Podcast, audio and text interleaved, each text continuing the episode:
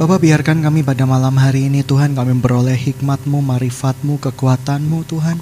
Biarkan firman Tuhan yang akan dibagikan bukan berasal dari kekuatan akal budi seseorang, tetapi kerinduanmu untuk menjadikan kami manusia-manusia yang sesuai dengan keinginanmu Tuhan. Bapak bawa kami ke tingkat kerajaanmu, jangan bawa kami ke dalam halaman saja, bahwa kami semakin maju akan pengenalan akan Engkau. Di dalam nama Tuhan Yesus Kristus, kamu berdoa dan mengucap syukur. Haleluya. Amen. Shalom.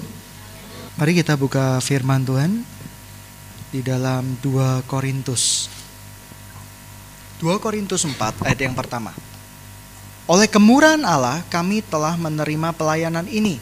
Karena itu kami tidak tawar hati tetapi kami menolak segala perbuatan yang tersembunyi yang memalukan. Kami tidak berlaku licik dan tidak memasukkan firman Allah. Sebaiknya kami menyatakan kebenaran dan dengan demikian kami menyerahkan diri kami untuk dipertimbangkan oleh semua orang di hadapan Allah. Jika Injil yang kami beritakan masih tertutup juga, maka ia tertutup untuk mereka yang akan binasa yaitu orang-orang yang tidak percaya yang pikirannya telah dibutuhkan oleh ilah zaman ini sehingga mereka tidak melihat cahaya Injil tentang kemuliaan Kristus yang adalah gambaran Allah. Sebab bukan diri kami yang kami beritakan, tetapi Yesus Kristus sebagai Tuhan dan diri kami sebagai hambamu karena kehendak Yesus. Nah, saudara, apa hubungannya firman Tuhan ini dengan kita yang dewasa muda? Dewasa muda selalu identik dengan pelayanan dan pekerjaan. Semua orang di antara kita pasti punya pelayanan dan pekerjaan di dalam kehidupan kita masing-masing. Saudara, sering kali ketika di dalam doa, terutama doa-doa orang-orang yang baru percaya sama Tuhan, kita selalu menghendaki sebuah fast doa yang cepat. Tuhan, aku butuh kerja. Dan besok ada orang-orang yang nawarin kita kerja dengan gaji yang melimpah. Saudara, Tuhan, aku sudah lulus. Sekarang mana perusahaan yang mau terima aku, Tuhan? ya ini ini mokong nih saudaraku ya bukan kita yang berlomba cari perusahaan perusahaan yang berlomba cari kita masalahnya memang kita adalah anak raja seharusnya perusahaan berlomba mencari kita dan menjadikan kita direktur tetapi kita anak raja karena kita diakui kualitas kita sebagai anak raja yang jadi pokok permasalahan kalau kita kuliah pun tidak jelas IP pas-pasan gitu ya uh, skripsi pun tidak jelas, lalu perusahaan kepingin meminta kita, menurut saya kita melakukan sesuatu yang sebenarnya mustahil bagi Tuhan. Kenapa? Tiada yang mustahil bagi Tuhan. Amin. Tetapi kali ini kita melakukan proyek-proyek yang mustahil bagi Tuhan. Mengapa saya katakan mustahil bagi Tuhan? Tuhan untuk melakukan mujizatnya selalu ada unsur-unsur tertentu Ya, uh, saya mau bagikan kepada kita semua bagaimana supaya kita bisa menjadi berdampak di dalam dunia kerja dan apa pentingnya pelayanan di dalam dunia kerja. Ingat, semua orang kepingin fast, semua pingin instan. Ketika saya dulu punya kerinduan akan mobil, uh, Tuhan jawab doa saya sekitar 4 tahun, baru saya dapat mobil. Tapi orang-orang masa kini kepingin Tuhan, saya kerja satu tahun, saya kepingin mobil. Dan Tuhan harus jawab, kalau tidak saya benci sama Tuhan. Di dalam kebenaran firman Tuhan, saya tidak pernah menemukan Tuhan itu melakukan sesuatu yang sifatnya instan. Orang Israel ketika di padang gurun, mereka kelaparan. Tuhan kasih apa? Burung puyuh. Amin. Saya percaya. Saudara, ketika Tuhan menyediakan mana, sebenarnya itu bukan sesuatu yang instan. Kalau kamu baca di dalam kebenaran firman Tuhan, ada syarat dan ketentuan yang berlaku atas mana-mana yang disediakan Tuhan. Seringkali kita kan dapat hadiah-hadiah kan, wah syarat dan ketentuan berlaku gitu ya. Di dalam kebenaran firman Tuhan ada syarat dan ketentuan berlaku juga. Ketika kita terima mana, ada syaratnya, langsung dimakan, tidak boleh disimpan. Kalau disimpan nanti busuk. Burung puyuh juga demikian, harus terlebih dahulu dimasak karena waktu itu bangsa Israel bukan belum menjadi kanibal. Mereka harus memasak burung puyuh itu. Nah, sering kali ketika kita meminta pekerjaan sama Tuhan, Tuhan selalu menyediakan apa yang menjadi uh, firman Tuhan sebut raw material. Tahu nggak raw material? Bahan mentah. Tuhan selalu kasih bahan-bahan mentah. Waktu saya pekerjaan pertama kali saya, yaitu sebagai driver, saudaraku, bahasa kerennya supir, saya driver dan saya tidak malu disebut driver. Karena di situ saya banyak menemui orang-orang yang bisa dijama untuk kepada Tuhan ya. Pekerjaan saya driver. Waktu itu saya tanya sama Tuhan, Tuhan, saya ini kan anak perjanjianmu. Tuhan tolong bantu saya, saya butuh uang untuk kuliah. Dan Tuhan bilang sama saya, di situ ada bemo. Wah, saya bingung. Orang selalu ketika ditunjukin sesuatu sama Tuhan, selalu berpikir apa? Menjadi pemilik bemo, bukan sopir bemo. Amin. Ya kan? Oh, ketika ada bemo lewat, saudara, pikiran pertama saya bukan sopir bemo, tetapi pemilik bemo.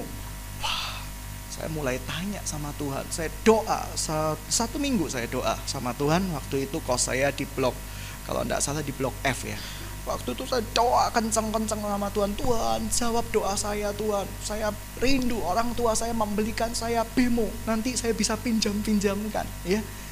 Tapi Tuhan selalu berkata, tidak jawab, tapi Tuhan selalu berkata seperti ini. Kamu lihat bemo, mulai dari pekerjaan yang paling rendah dari bemo itu. Apa? Kenek. Bukan sopir loh, kenek. Saya akhirnya belajar taat, saya ngerasa ini bukan suara Tuhan Apalagi saya waktu itu terkenal dengan ajaran kemakmuran. Wah, saya selalu pingin makmur hidupnya. Dan saya waktu itu bersebelahan dengan supir bemo. Ya, waktu itu ketika ada penumpang-penumpang lewat, Tuhan suruh saya seperti ini, ayo masuk Pak, Bu, di belakang. Nah, dari situ awal pertama kali berkenalan dengan supir bemo. Setelah itu, mau nggak kamu gantikan saya? Ya itu nggak lama kok, nggak sampai seminggu. ya. Tapi Tuhan angkat saya lagi lah, saudara, kita selalu kepingin instan. Kita kepingin punya sekolahan, kita kepingin jadi kepala sekolah, kita kepingin jadi kepala sekolah yang kira-kira sekolah internasional bintang 5, ya, bukan bintang 7 lagi, itu puyar, tapi ini bintang 5 yang kita betul-betul bisa melakukannya, ya, yang bisa kita, saya rasa Tuhan ya seperti itu. Mungkin Tuhan akan sediakan raw-raw material buat kita. Apa yang kamu punya? Punya kemampuan untuk mengajar, silahkan ngelesi orang. Amin. Amin. Dan setelah itu, Tuhan akan melakukan keajaiban demi keajaiban. Dan keajaiban demi keajaiban Tuhan itu prosesnya bukan dalam hitungan hari.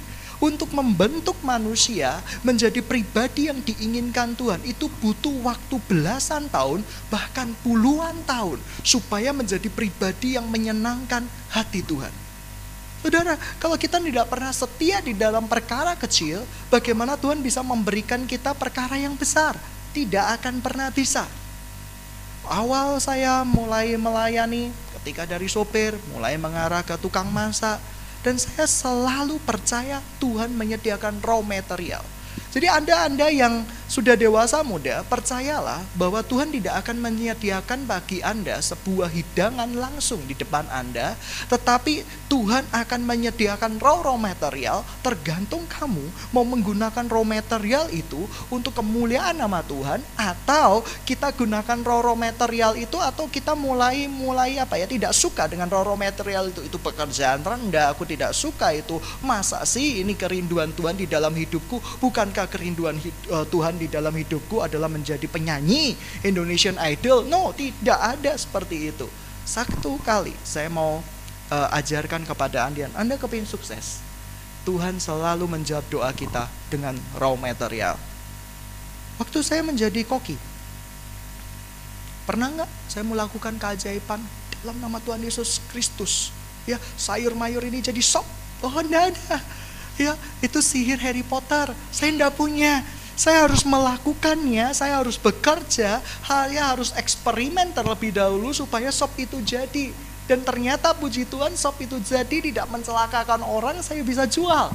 Dan saya percaya tidak ada namanya kehidupan yang instan.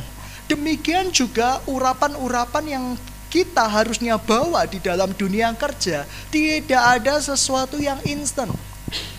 Ketika saya terima tantangan dari Tuhan, saya cuma berdoa. Tuhan berkata, apa yang kamu ada?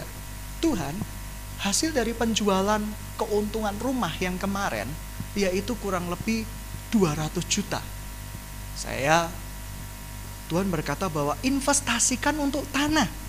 Saudara, satu tanah waktu itu harganya di total 400 juta dan kami akan membeli 4 bidang tanah dengan luas kurang lebih 40 kali 25. Itu berapa?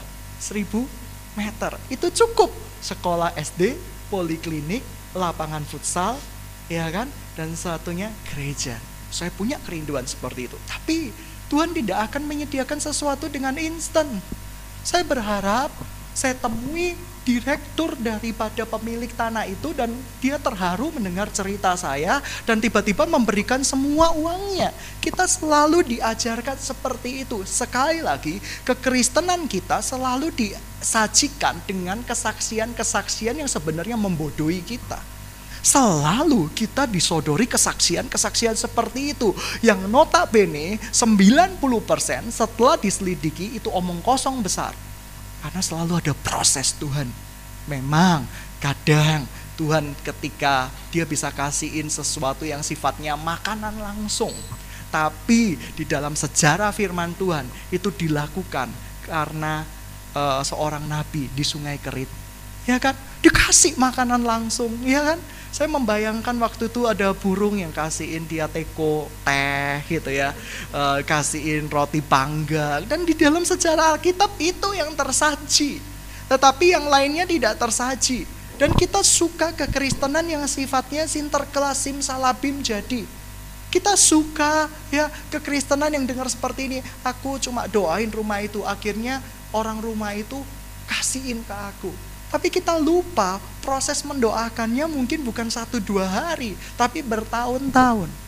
Dan sekali lagi, sekali lagi kita selalu terjebak dengan kekristenan seperti itu. Oleh karena itu sebelum saya berangkat ke pengembangnya, saya doa dulu dalam nama Tuhan Yesus Kristus, saya kepingin dikasihi dalam nama Yesus, dalam nama Yesus. Sekalipun Tuhan berkata bahwa tidak seperti itu hukumnya. Kamu berikan apa yang kamu punya, saya yang melakukan sisanya. Dan saya berdoa sekali lagi bahwa Tuhan izinkan kami membangun sebuah yang kami impikan di tempat itu. Setelah saya keliling di sore hari di situ sangat baik untuk jadi ladang misi, terutama sekolah, panti asuhan dan ya tempat serbaguna lainnya karena lokasi di sana kalau uh, sore cukup ramai. Kami berdoa sungguh-sungguh, kami berdoa sungguh-sungguh itu ke direkturnya bukan untuk meminta bahwa oh aku dapat mimpi dari Tuhan kamu dikasihin lima kafling wah enggak enggak saya berharap bahwa saya punya kemampuan seperti ini saya bisa punya DP 200 juta dari hasil penjualan keuntungan uh, usaha properti saya dan sisanya Tuhan yang akan lakukan buat saya Saudara, hari-hari ini saya diajarkan Tuhan untuk menjadi uh, simple di dalam Tuhan. Tuhan tidak suka yang bulat-bulat. Tahu nggak bulat-bulat pikirannya itu bulat simpel. Teman-teman yang sudah dewasa di dalam Tuhan, yang pertama kita punya satu sikap bahwa Tuhan akan memberikan kita raw material tergantung kita mengelolanya atau tidak.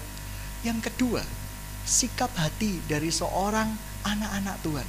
Kita ini dipanggil Tuhan ke pelayanan yang lebih lanjut, yaitu pelayanan dunia kerja dan terbukti di dalam Korintus, di dalam Timotius, di dalam uh, Efesus, Rasul Paulus itu menggerakkan orang-orang di dalam dunia kerja.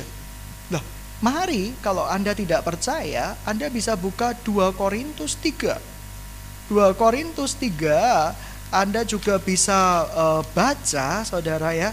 Uh, 1 Korintus 16 Anda bisa uh, percaya sama saya tapi itu benar Saudara ya seperti Anda bisa uh, bilang di kira ya di dalam Efesus juga terbukti. Nah, intinya Rasul Paulus itu berkata seperti ini. Dia menggerakkan pelayanan-pelayanan perjanjian baru, dia juga menggerakkan pelayanan-pelayanan dunia kerja untuk mencukupi kebutuhan rumah Tuhan.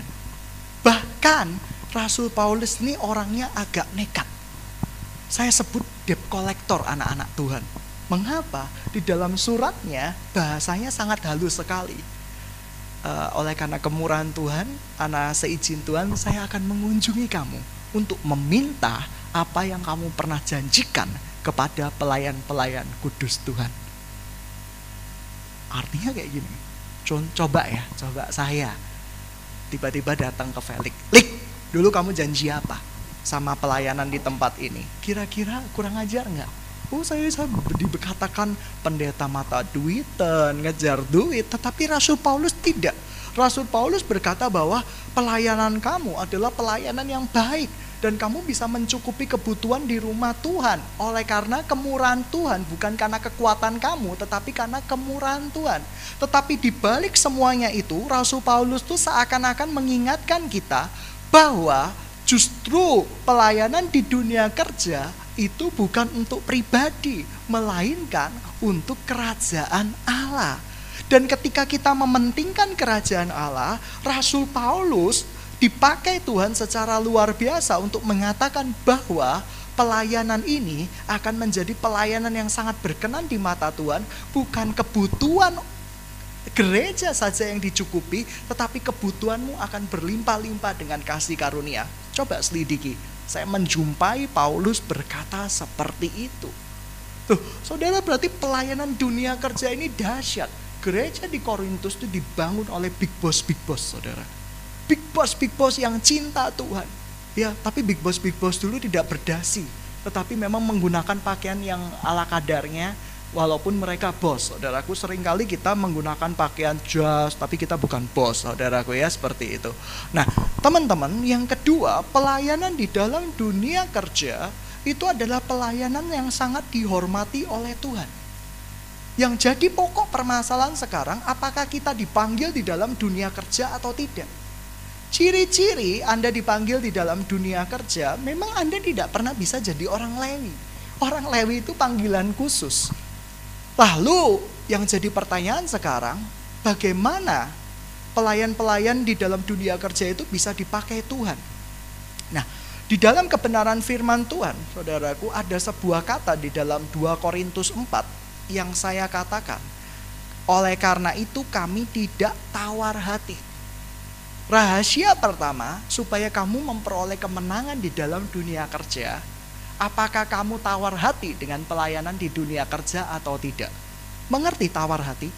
Tawar hati contoh kamu dipakai jadi kasir ya, kamu dipakai jadi kasir di dalam sebuah perusahaan, nah asal-asalan ya, asal-asalan gitu ya, lempar uang di mesin kasir box, klinting, klinting seperti itu, itu namanya tawar hati, tidak semangat ya itu tidak mengajeni pekerjaan. Terus ya selama kerja Anda main apa? Main BlackBerry gitu ya, main apa mungkin main Facebookan, main apa. Saya percaya Anda sedang tawar hati. Kalau Anda tawar hati, Anda tidak akan pernah bisa mengalahkan iblis dan tidak akan pernah bisa mengalami, uh, mengalami peningkatan demi peningkatan. Hati yang tawar itu uh sulit loh, dokter mana pun tidak bisa menyembuhkan Semangat yang patah itu sama dengan tawar hati. Pernah nggak kamu tawar hati terhadap sebuah pelayanan atau sebuah pekerjaan atau sebuah mata kuliah? Oh, sering. Saya pernah tawar hati dengan sebuah mata kuliah. Begitu ngelihat dosennya, sudah males gitu ya. Mau masuk, sudah males. Apa, mungkin Anda bukan mata kuliah, pratikum ada pratikum yang jadi momok. Anda begitu masuk sudah tawar hati terlebih dahulu. Aduh aku pasti gagal, aku pasti tidak bisa. Dosennya ngecingan, ini gimana, ini gimana. Nah, tawar hati itu melelahkan. Anda tidak akan pernah bisa mencapai tingkatan yang diinginkan Tuhan dengan tawar hati. Anda contoh bekerja di sebuah perusahaan dan menjadi kurir. Anda tawar hati. Anda uh, apa ya naik sepeda motor, mengantarkan surat-surat dengan kecepatan cuma kurang lebih 5 km per jam. Sepeda motornya Paulina pun jauh lebih cepat daripada itu. Ya enggak, dengan 5 km per jam. Ya, uh, tiap berapa meter ada warung, nongkrong, rokokan, makan mie gitu ya. Kalau kita tawar hati, anda sebenarnya sudah kehilangan kekuatan Tuhan. Sekarang yang jadi pertanyaan, kalau Anda diutus Tuhan di dunia kerja, maukah Anda menerima dengan hati yang gembira atau Anda menerima dengan tawar hati? Kalau Anda dipanggil menjadi orang Lewi, maukah Anda melakukannya dengan hati gembira? Saudara, kalau Anda tawar hati, saya percaya anda akan menjadi penyakit di dalam sebuah perusahaan. Anda akan menjadi sampah di dalam sebuah perusahaan. Mengapa? Karena Anda seperti tikus yang tidak uh, lakukan yang terbaik. Nah, teman-teman, kalau kita tidak tawar hati, udah dahsyat sekali. Saya sering menemui waktu ketika pertama kali teman saya bekerja. Saya dulu memperoleh pengetahuan komputer itu dari teman saya teman saya ini mut-mutan terhadap komputer. Kalau ada orderan ya, dia terima. Dia punya prinsip firman Tuhan. Kesusahan satu hari, cukuplah satu hari. Sebenarnya nggak nggak tepat ayat itu digunakan untuk hidupnya. Saya dapat pengetahuan firman Tuhan dan saya mau kasih tahu yang jadi bos sekarang saya bukan dia. Walaupun dia punya modal terlebih dahulu. Mengapa? Karena bagi saya setiap orang yang datang adalah anugerah dan berkat yang harus saya layani. Jangan pernah tawar hati. Ketika Anda tawar hati, Anda ingat dua hal. Apakah memang ini pekerjaan yang harusnya Tuhan berikan kepada Anda atau Anda memang sebenarnya ini pekerjaan yang Tuhan harapkan buat Anda cuma Tuhan menyediakan raw material terlebih dahulu. Pernah nggak tawar hati di dalam sebuah perusahaan? Malas gitu ya kita punya Anda ada saya lihat ada guru-guru mengajar playgroup gitu ya uh, contoh ada anak yang dititipin makan bakso sendiri tuh ayo ambil ambil kecap sendiri tuh ya. Seperti itu. Saya mau ke belakang sudah sudah itu tuh kamar mandi itu ada cebok sendiri. Ndak niat saudaraku ya. Ketika kita ndak niat apakah ada kemuliaan Tuhan yang kita berikan lewat pelayanan kita? Ndak ada. Anaknya nggak berubah menjadi berubah menjadi gelandangan gembel gitu ya. Terus uh, orang tuanya berkata loh kamu kok berubah jadi kamu di rumah? Tadinya kurang baik sekarang tambah gak baik. Ini gimana nah kira-kira pelayanan yang seperti itu enak nggak? Enak. Nggak enak ketika nanti muridnya jam 11 waktu adalah uang. Jam 11 belum keluar semua. Ayo keluar keluar keluar. AC mahal saya tutup itu. Nah itu nggak bisa. Anda mau buat apa, saudara? Buat uh, mungkin Anda di, digerakkan Tuhan untuk menjadi tukang masak. Ada loh teman saya yang sukses dari masak. Anda digerakkan masak, begitu Anda masak percobaan ayam goreng, sekarang kan muncul banyak ayam goreng ya, wah gitu ya, seperti itu, percobaan ayam goreng, ayam digoreng uh, keras, oh ini bukan kehendak Tuhan, saya mau ganti yang lain, bakso, oh ini bukan kehendak Tuhan, ganti bakmi, oh ini bukan kehendak Tuhan, oh saya ternyata punya panggilan yaitu godok supermi, podoy warung itu. Ya, Anda tidak akan mengalami peningkatan. Sama saja Anda buka warung. Mengerti maksud saya? Anda harus punya yang disebut dengan hati yang menerima pelayanan Tuhan ini. Nah, yang berikutnya, saudaraku, maksud daripada pelayanan supaya sukses di dunia kerja, mohon maaf tadi yang pertama ya, kita tidak boleh tawar hati. Yang kedua, kita harus tahu bahwa dunia kerja itu adalah panggilan Tuhan bagi sebagian orang untuk memberitakan Injil Kristus. Kalau Anda tidak percaya, dia tidak beli di komputer di tempat saya. Dia cuma bertanya-tanya, tapi Tuhan suruh saya gerakan. Biasanya saya yang paling benci SMS. Ya, jam 12 malam di SMS, jam 1 pagi di SMS. Bos, ada printer enggak? gitu ya seperti itu. Kepingin saya kasihkan adik saya saja seperti itu. Entah kenapa waktu itu bos uh, saya harus lakukan apa supaya saya bisa menghidupi keluarga saya. Biasanya saya marah dengan SMS SMS seperti itu. Entah kenapa Tuhan gerakan saya untuk menelepon, ya kan? Untuk menelepon. Pak, Bapak mau beli apa? Ternyata dia nggak beli di saya. Dia cerita, dia curhat, dia cerita. Ya ampun Tuhan gitu ya. Tapi akhirnya saya uh, layani dia dengan sedikit ogah-ogahan. Tapi Tuhan berkata bahwa pelayanan kamu adalah pemberitaan firman Tuhan. Dia cerita. Akhirnya Bapak nggak usah beli di saya nggak apa-apa. Ya kan? Saya kasih tips-tips saja menjadi orang sukses Pak. Yang pertama Bapak mau buka apa sih? Bapak bisa apa sih? Ternyata dia mau buka warnet gitu ya. Dia mau beli dari temennya seharga segini. Boleh nggak? Saya berkata, Pak kalau harga segitu itu bagus. Tapi Bapak harus tahu bahwa satu teknisi untuk periksa apa kondisi tempat itu bagus atau tidak.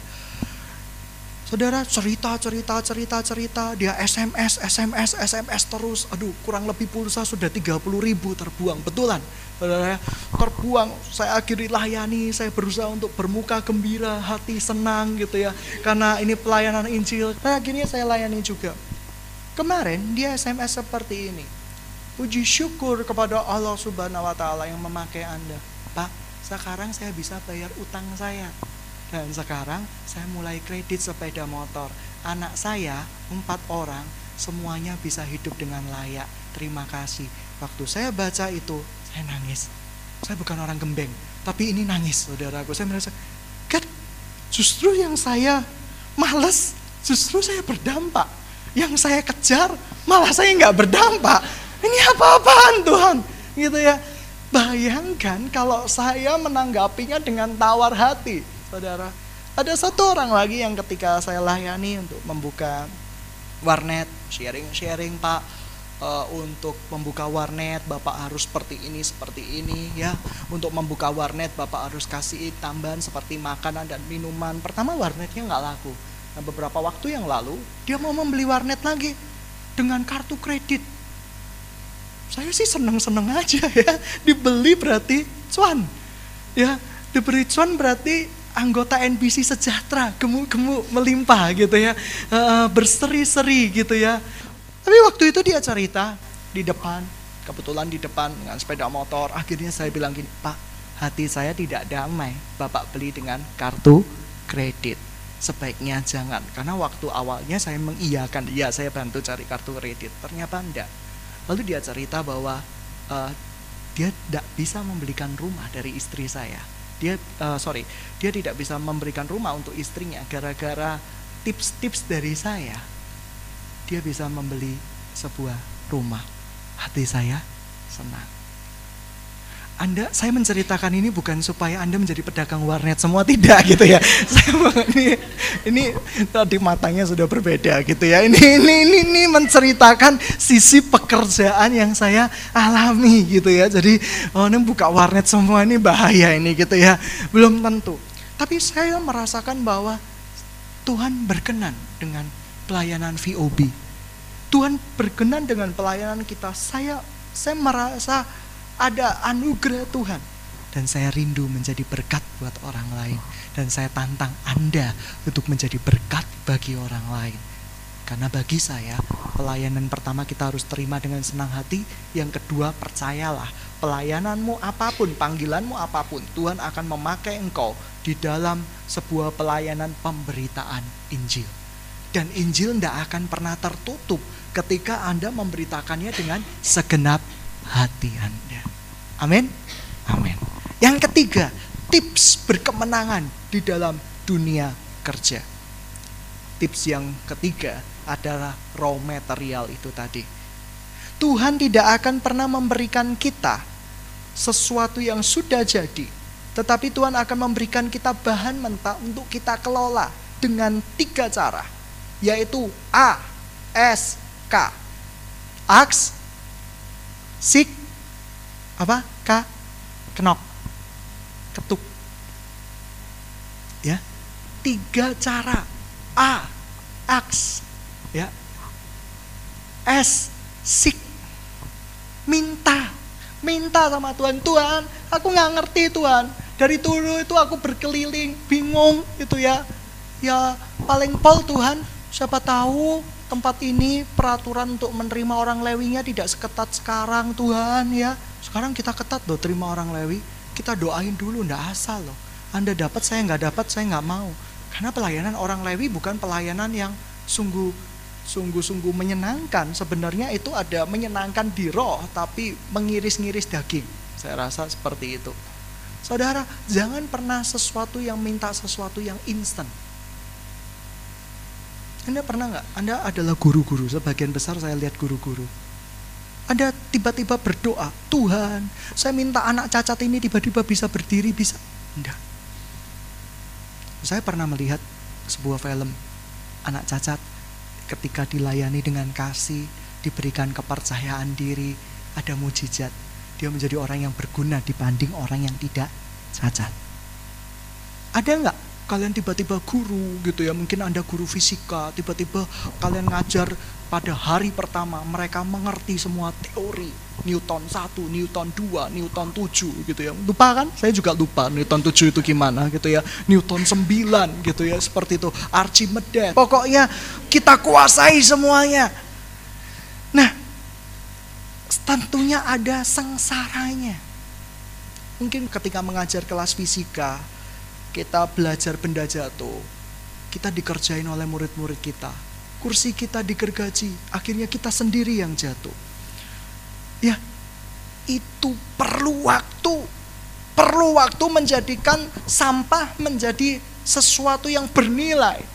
Dan bagi Anda yang dikasih pelayanan sampah, saya mau kasih tahu, itu pelayanan yang butuh waktu, butuh kesabaran, butuh kesetiaan Anda. Gunakan tiga prinsip aks, minta sama Tuhan. Tuhan aku minta anak-anak yang aku ajar di dalam nama Tuhan Yesus jadi bintang-bintang yang bersinar di dalam nama Tuhan Yesus Kristus. Sik, cari wajah Tuhan, mulai menyembah Tuhan, mencari wajah Tuhan. Tuhan aku tahu kalau aku meminta tanpa mencari wajahmu, engkau gak akan berkenan sama aku. Yang ketiga, kenok ketuk pintu, ya nggak dibukain Tuhan. Loh, anak ini belum jadi bintang, tapi jadi binatang, melata ke mana-mana. Tapi saya mau kasih tahu Tuhan, doain, doain, minta, minta, minta. Suatu hari Tuhan akan jawab, Tuhan akan berikan. Amin. Amin. Nah, saudara, raw material. Tuhan selalu gunakan raw material. Yang berikutnya, yang keempat, saya percaya kesuksesan adalah sebuah proses pertumbuhan rohani. Anda kurang mengerti maksud saya? Kesuksesan adalah sebuah proses pertumbuhan rohani. Dan seperti sebuah sepeda, Anda nggak akan pernah bisa sampai tujuan tanpa terus mengayu sepeda itu. Sukses is need proses. Tidak ada sesuatu yang instan. Dasar bangunan yang dibangun secara instan akan hancur seketika Orang yang sukses karena narkotik akan hancur seketika. Orang yang sukses karena mencuri, judi akan hancur seketika. Karena apa yang dia tabur akan dia tuai. Loh, aku sering mencuri uang nenekku. Apa yang harus saya lakukan? Kalau orangnya masih hidup, kembalikan. Kalau orangnya sudah mati, ya sudah, gitu ya. ya. Enggak ini bercanda, tapi menurut saya bahwa apa yang kita tabur pastilah kita tuai. Kalau kita ada uang-uang hasil kejahatan, persembahkan sama Tuhan. Bagikan kepada kaum papa. Jangan kamu nikmati sendiri, maka kamu akan menuai hasilnya. Berikutnya, yang kelima, yang paling penting di dalam catatan saya, yaitu apakah engkau memiliki yang namanya spirit seorang pejuang. Weh, andai Anak-anak Tuhan di tempat ini mencari jiwa seperti pedagang asuransi. Saya percaya dahsyat. Nah, teman-teman, sudahkah kita punya fighting spirit? Fighting spirit ini asal muasalnya dari cinta akan Tuhan menghanguskan aku.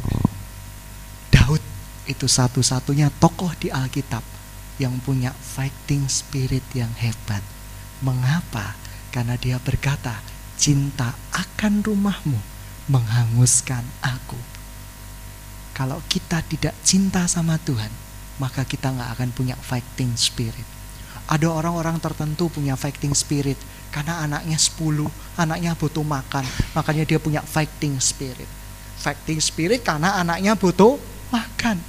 Ada orang-orang tertentu yang punya fighting spirit karena aku harus laku tahun ini juga di dalam nama Yesus gitu ya seperti itu apa apa jadi aku kalau nggak laku tahun ini fighting spirit ada orang yang punya fighting spirit orang karena itu tiba-tiba pengambilannya berubah yang cowok-cowok penampilannya tiba-tiba klemis berbau wangi gitu ya seperti itu gitu uh, gitu ya seperti itu tapi saya mau kasih tahu fighting yang spirit itu akan melemah akan melemah tidak seperti cinta akan Tuhan menghanguskan rumah Tuhan. Cinta akan Tuhan menghanguskan aku. Itu dahsyat. Saudara, saya percaya kalau gembala di tempat ini, jemaat di tempat ini punya fighting spirit yang didasari cinta akan Tuhan menghanguskan rumahku, itu dahsyat sekali. Orang akan gemetaran di sebelah kita, punya spirit yang nggak pernah bisa dikalahkan. Saudara, ada seorang yang saya kasih tahu ada orang yang toko empat tokonya tutup dibakar oleh kebakaran. Karena anak-anaknya dia bisa buka empat toko lagi. Amin? Amin. Bagus nggak? Nggak bagus. Empat toko ditutup kembali cuma empat. Nggak bagus. Tapi ada satu orang yang namanya Hansen di sebuah negara. Saya lupa Karena saya baca autobiografinya, Hansen ini punya fighting spirit, cinta akan Tuhan menghanguskan rohku. Dia adalah pedagang sepatu keliling. Dia kelilingin sepatu, ditolak. Dia langsung jual lagi, ditolak. Dia tetap ketuk pintu, dia tetap ketuk itu. Adanya ada, akhirnya dia dibeli. Pembeli pertamanya adalah seorang gadis, usianya lima tahun. Itu pun merengek-rengek kepada orang tuanya, minta dibelikan Hansen tidak putus asa karena dia percaya satu uh, satu sepatu berbicara satu jiwa-jiwa. Saya nggak ngerti maksudnya apa. Setelah dari uh, dari buku itu saya ngerti. Si Hansen ini ternyata punya kerinduan yang amat sangat untuk melayani Tuhan. Tapi dia tidak punya duit. Dia rindu dipakai Tuhan untuk menjadi alatnya. Awal mulanya dia merasa Tuhan pakai dia sebagai misionaris, tapi Tuhan berbicara berbeda. Dia menjadi penjual sepatu, dia mendoakan sepatu-sepatu yang dia jualin, dia berkomunikasi dengan orang-orang yang membeli sepatunya, dan dalam waktu menurut buku itu, di dalam waktu kurang lebih enam bulan, Hansen telah memenangkan kurang lebih 250 orang. Ya, 250 orang dan lewat Hansen saya kasih tahu 250 orang itu menjadi saudagar yang sangat kaya. Itu terjadinya pada 1892. Wih, dipakai Tuhan secara luar biasa. Dia punya fighting spirit yang gak pernah kenal menyerah. Dia memenangkan 250 orang pembeli sepatu. Dia menginjili, jadi berkat punya fighting spirit yang hebat. Dan saya mau kasih tahu, itu orang nggak ada matinya. Ditolak, cari pelanggan lagi. Ditolak, cari pelanggan lagi. Tetapi bukan karena untuk dapurnya sendiri. Tetapi dia punya kerinduan. One day, lewat sepatu ini, Injil diberitakan. Amin. Amin. Siapa yang punya fighting spirit seperti itu? Satu hari, lewat musik di tempat ini, nama Tuhan akan diberitakan. Anda tidak akan pernah bisa punya mimpi itu. Sekali lagi, mimpi untuk meninggikan diri sendiri itu akan mati, berhenti pada tahun tertentu. Mungkin Anda akan berkorbar-korbar pada tahun pertama, tahun kedua, tahun kelima, hancur sudah mimpi itu. Tapi mimpi karena mencintai Tuhan, itu tidak lekang sama waktu. Amin. Sampai kakek nenek pun kita akan tetap melayani Tuhan. Nah, teman-teman, Maukah kita jadi seperti Hansen-Hansen yang diurapi Tuhan? Saya tidak tahu apa yang ada di tangan kamu. Tuhan sudah berikan roh material apa? Roh material berbicara apa yang di depan mata kamu yang Tuhan sudah sediakan, garap, kerjakan dengan penuh kesetiaan. Anda mungkin sekarang menjadi seorang kasir, kerjakan panggilanmu dengan baik. Karena one day ketika Tuhan mengangkat kamu, kamu akan terheran-heran dan kamu akan terpesona. Amin. Kalau Anda pekerjaan Anda sekarang adalah apa? Anda pekerjaan Anda sekarang adalah uh, penjahit, lakukan terbaik. Pekerjaan Anda pengajar, lakukan terbaik. Karena one day Tuhan akan pilih kamu dengan cara yang ajaib. Amin. Amin. Saudara, dulu ketika saya jadi supir, ada beberapa orang yang dimenangkan oleh Tuhan. Hari ini saya mau tantang Anda Apakah Anda sudah memenangkan jiwa-jiwa lewat pekerjaan yang Tuhan sediakan buat Anda? Kalau Anda belum belum memenangkan jiwa-jiwa, berarti ada yang salah dengan diri kita. Saya berharap tempat kita adalah tempat yang di mana Tuhan dinyatakan dengan ajaibnya. Amin. Amin. Mari kita tutup dalam doa pada malam hari ini. Sidang jemaat yang dikasih Tuhan. Mari kita berdoa bersama-sama. Bapak,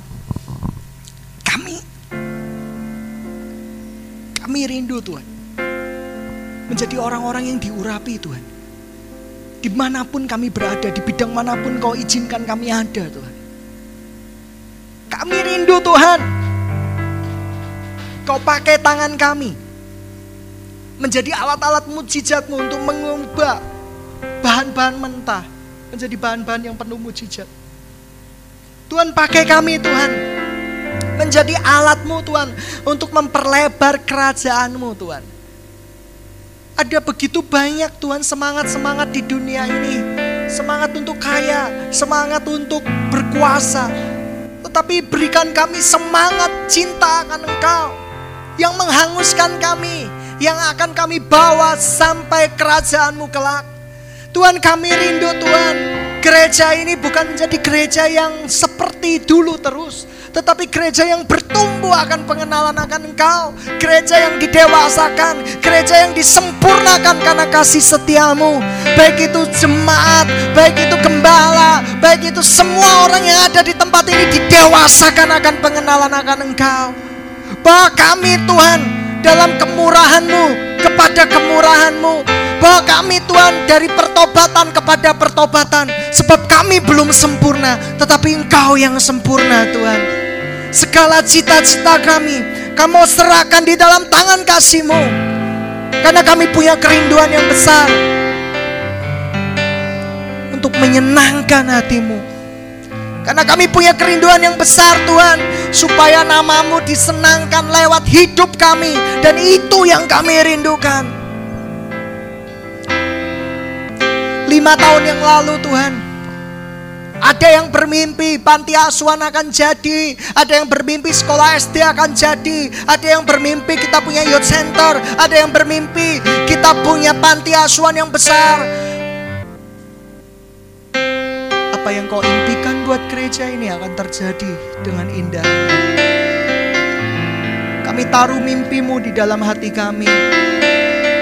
Kami cuma hamba. Jadilah apa yang menjadi kehendakmu Bapak. Satu hari kami rindu Tuhan. Kau pakai tangan-tangan orang-orang di tempat ini untuk menjadi saluran berkat. Satu hari saya rindu Tuhan. Ada ribuan orang yang bersaksi kepada kami. Terima kasih telah mengenalkan Yesus padaku. Dia merubah kemiskinanku menjadi tari-tarian. Dan satu hari saya bermimpi. Dan mimpi itu akan jadi kenyataan. Orang-orang akan diberkati oleh pelayanan di tempat ini. Satu hari saya bermimpi. Ada ratusan anak-anak kecil, ribuan anak-anak kecil yang tidak punya orang tua. Berkata kepada Anda dan saya, terima kasih sudah mau menjadi papa dan mama buat saya. Saya rindu seperti itu. Saya rindu seperti itu. God itu mimpimu buat tempat ini. Menyaksikan kau hidup bagi dunia ini. Menyaksikan kau hidup bagi bumi ini Tuhan. Dan saya rindu Tuhan. Pakai kami, pakai kami jadi alat kasihmu. Saya rindu satu hari kami melihat anak-anak dari panti asuhan yang kau dirikan lewat kami tersenyum. Karena setiap senyuman dari mereka adalah senyuman. Kami rindu suatu hari orang-orang yang diproses mendapat lapangan pekerjaan dari tempat ini tersenyum. Karena Yesus bekerja di dalam hidup mereka para dewasa muda, mari kita bangkit. Ini bukan hari kita menyalahkan masa lalu. Ini bukan hari kita menyalahkan masa lalu. Masa lalu adalah masa lalu. Kita kubur dalam-dalam. Tapi masa depan kita ada di tangan Tuhan. Dan hari esok adalah hari yang penuh kemenangan yang dijanjikan Tuhan. Tidak ada seorang pun yang bisa mencabutnya. Kita saudara di tempat ini. Kita adalah saudara di tempat ini. Kita bergandeng tangan kita belum sempurna. Minta roh Allah menyempurnakan kita dengan kasih yang datangnya dari tempat tinggi. Kami mau Tuhan, selagi kami hidup, kami hidup bagi Engkau. Dan biar buat kangen kami Tuhan, untuk mengubah sesuatu yang dari sampah menjadi alat yang bernilai bagi kerajaanmu. Riara pakarala barala satu hal yang kami rindu Tuhan.